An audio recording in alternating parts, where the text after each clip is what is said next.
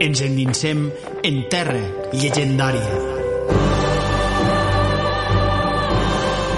Cada setmana, a aquesta hora, el Rai vos porta a un lloc ple d'històries insòlites i enigmes de les nostres terres. Soc Juan Fran Ferrandiz i seré el vostre guia. Benvinguda, benvingut. Comencem?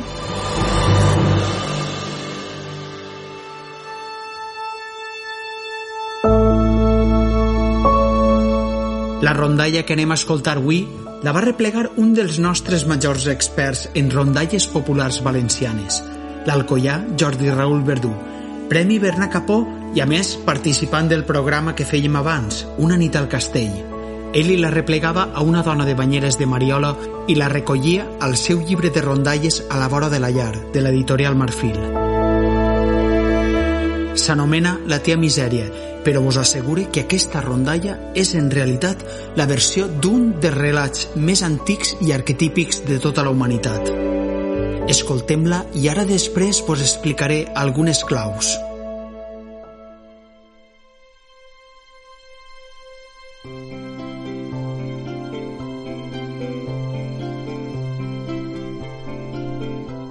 La tia misèria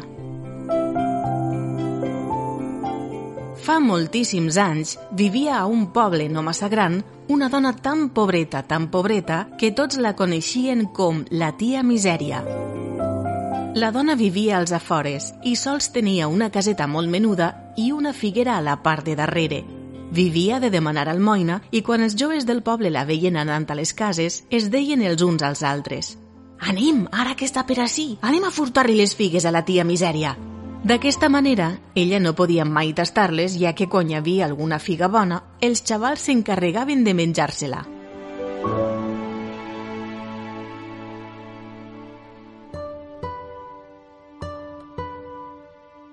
Un dia, a poqueta nit, quan la vella estava preparant-se un poc de sopar, algú va cridar a la seva porta.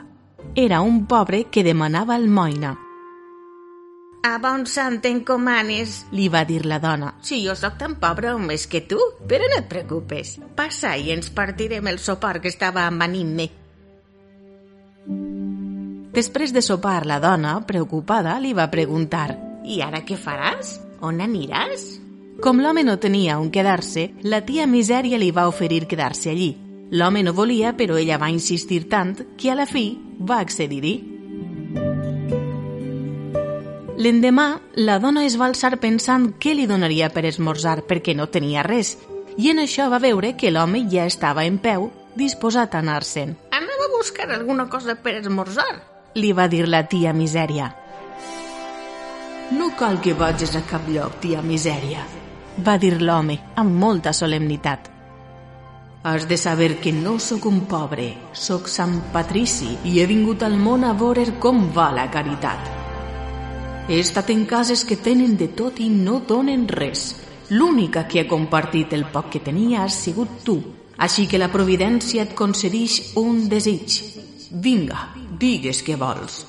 Oh, jo no necessito res, va dir la dona. Sant Patrici, tot estranyat, li va contestar. Com que no necessites res, tan pobra com ets? Dona, demana el que vulgues. Ella, pensant, pensant, va dir mm, ja sé allò que demanar-te. Tot aquell que puja a la figuera a collir les figues, que no puga baixar-ne fins que jo no li ho diga. Ja ho tens concedit, li va dir Sant Patrici i va desaparèixer en un bufit. Al cap d'un temps, pel mes de setembre, quan les figues tornaven a estar bones, els xiquets del poble van decidir tornar a furtar-li-les a la tia Misèria. Però quan van muntar a l'arbre i es van fer amb les més madures, s'adonaren que no podien baixar. Poc després, tots els xicots ja estaven plorant, preocupats pel que estava passant. Quan la tia Misèria tornava a casa, va escoltar els plors. En un principi no recordava el regal del sant, però en veure els xavals damunt de la figuera ho va recordar. De manera que éreu vosaltres els qui enfurtàveu les figues. Ara sí que esteu ben apanyats. Va exclamar satisfeta l'ama de la figuera. Tia misèria, no ho farem més. Van començar. Si els nostres pares se n'assabenten, deixi'ns baixar i ja no passarà mai més. La pobra dona va sentir pietat i els va deixar anar. els xicons ja no van tornar. Els anys passaren i la tia Misèria es va fer molt velleta. Mig cegueta eixia a prendre el sol a la porta de sa casa.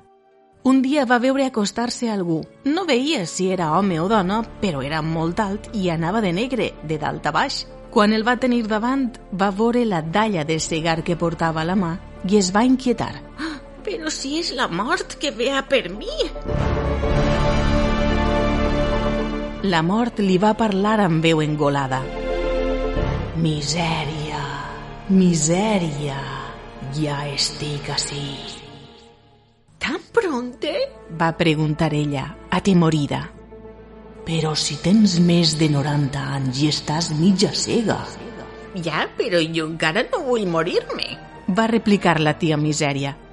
Ho sent, però t'ha tocat. Au, vinga, que se n'anem.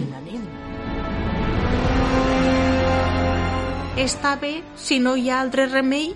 Aleshores la dona va pensar una cosa i va dir eh, Però abans voldria que em feres un últim favor. Tu que eres forta i àgil, no podries pujar a la figuera i baixar-me en un parell de madures? Som per al camí. La mort, confiada, va pujar per complir el desig i es va quedar enganxada allí dalt. Misèria, misèria, que no puc baixar! Va cridar tota desesperada. Això ja ho sabia jo, va dir ella rient. Jo no tinc ganes de morir-me encara. I la tia Misèria se'n va anar sense acostar-se a la figuera. A poc a poc, la gent es va adonar que ningú es moria, per molt vell o malalt que s'estiguera. Al principi estava bé, però, passats els anys, la gent malalta o molt vella patia i molts desitjaven descansar. Tothom es preguntava on era la mort, però ningú ho sabia. Era un misteri. Un dia, el metge del poble va anar a donar una volta perquè li pegara un poc l'aire i va veure la mort damunt de la figuera de la tia Misèria. L'home la coneixia per la feina. Però tu què fas així? Li va preguntar. Ara entenc per què no mor ningú. Ajuda'm, ajuda'm a baixar d'ací, va dir la mort, tota desesperada. Quan el metge va pujar a la figuera per ajudar-la, es va quedar enganxat també. A poc de temps, la família del metge, tota preocupada perquè no tornava a casa, va anar a buscar-lo. Quan el van trobar, ell els va cridar. No us acosteu us quedareu així també dalt. Aneu a buscar a la tia Misèria i que ens traga d'ací. Ella és la única que pot ajudar-nos a baixar de la figuera. La van buscar i la van trobar tota arrugadeta, sense assabentar-se pràcticament de res del que passava al seu voltant. Li van contar el que ocorria. Ella, que encara se'n recordava que la mort estava allà dalt, va dir «No, que se m'emportarà?» En això la mort els va dir Digueu-li que li promet solemnement que no passarem mai a per ella. En aquest cas, va dir Misèria, que baixen tots. La mort va continuar la seva feina, la d'emportar-se cap amunt dels més necessitats i a poc a poc va anar solucionant-se el problema. I conforme li va prometre a la tia Misèria, la mort no va passar mai per sa casa i per això diuen que la misèria en el món no s'acabarà mai.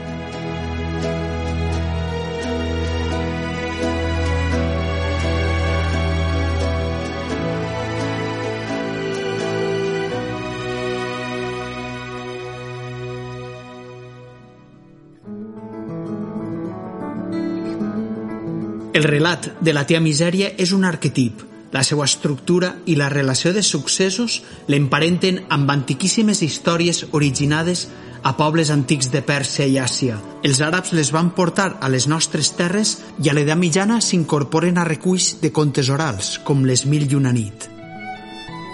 Des que l'home va ser conscient de la seva pròpia mort, va començar a representar el trànsit com a una criatura, un segador de vides, i llavors va brollar la pregunta existencial hi havia alguna manera de burlar a la parca, al destí, a la mort?